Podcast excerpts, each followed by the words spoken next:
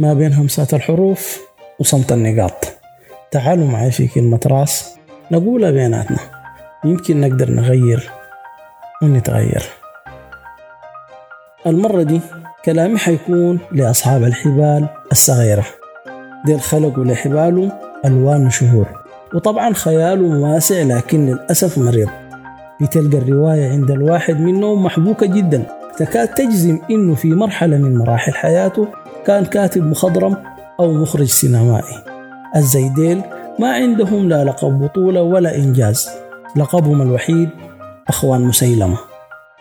الواحد منهم لما يجيبوا لك سيرته بتقول فلان داك ياخدك كذاب اتسموا بالكذب الواضح اللي ما بيخفى أبدا على اللي حواليهم.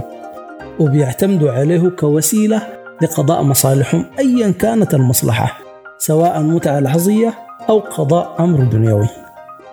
الزيدين مساكين لأنه حالهم واحد من اثنين. يا إما مفضوح ومسبب لهم حرج أو اللي حواليهم بيمشوا فيهم حرقا للزمن. وفوق كل ده ما بيقع الضرر إلا عليهم. طيب ليه الاستمرارية في لبس أقنعة وتقمص أدوار بطولية بعيدة كل البعد عن واقع الراوي؟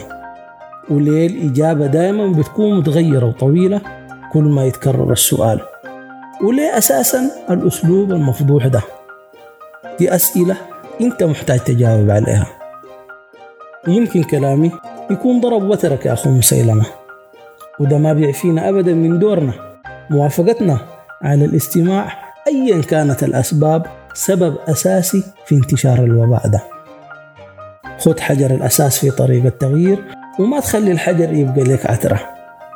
وابداها بالحروف تبقى لك كلمة وبيني وبينك نقولها في كلمة راس. وبيني وبينك نقولها في كلمة راس.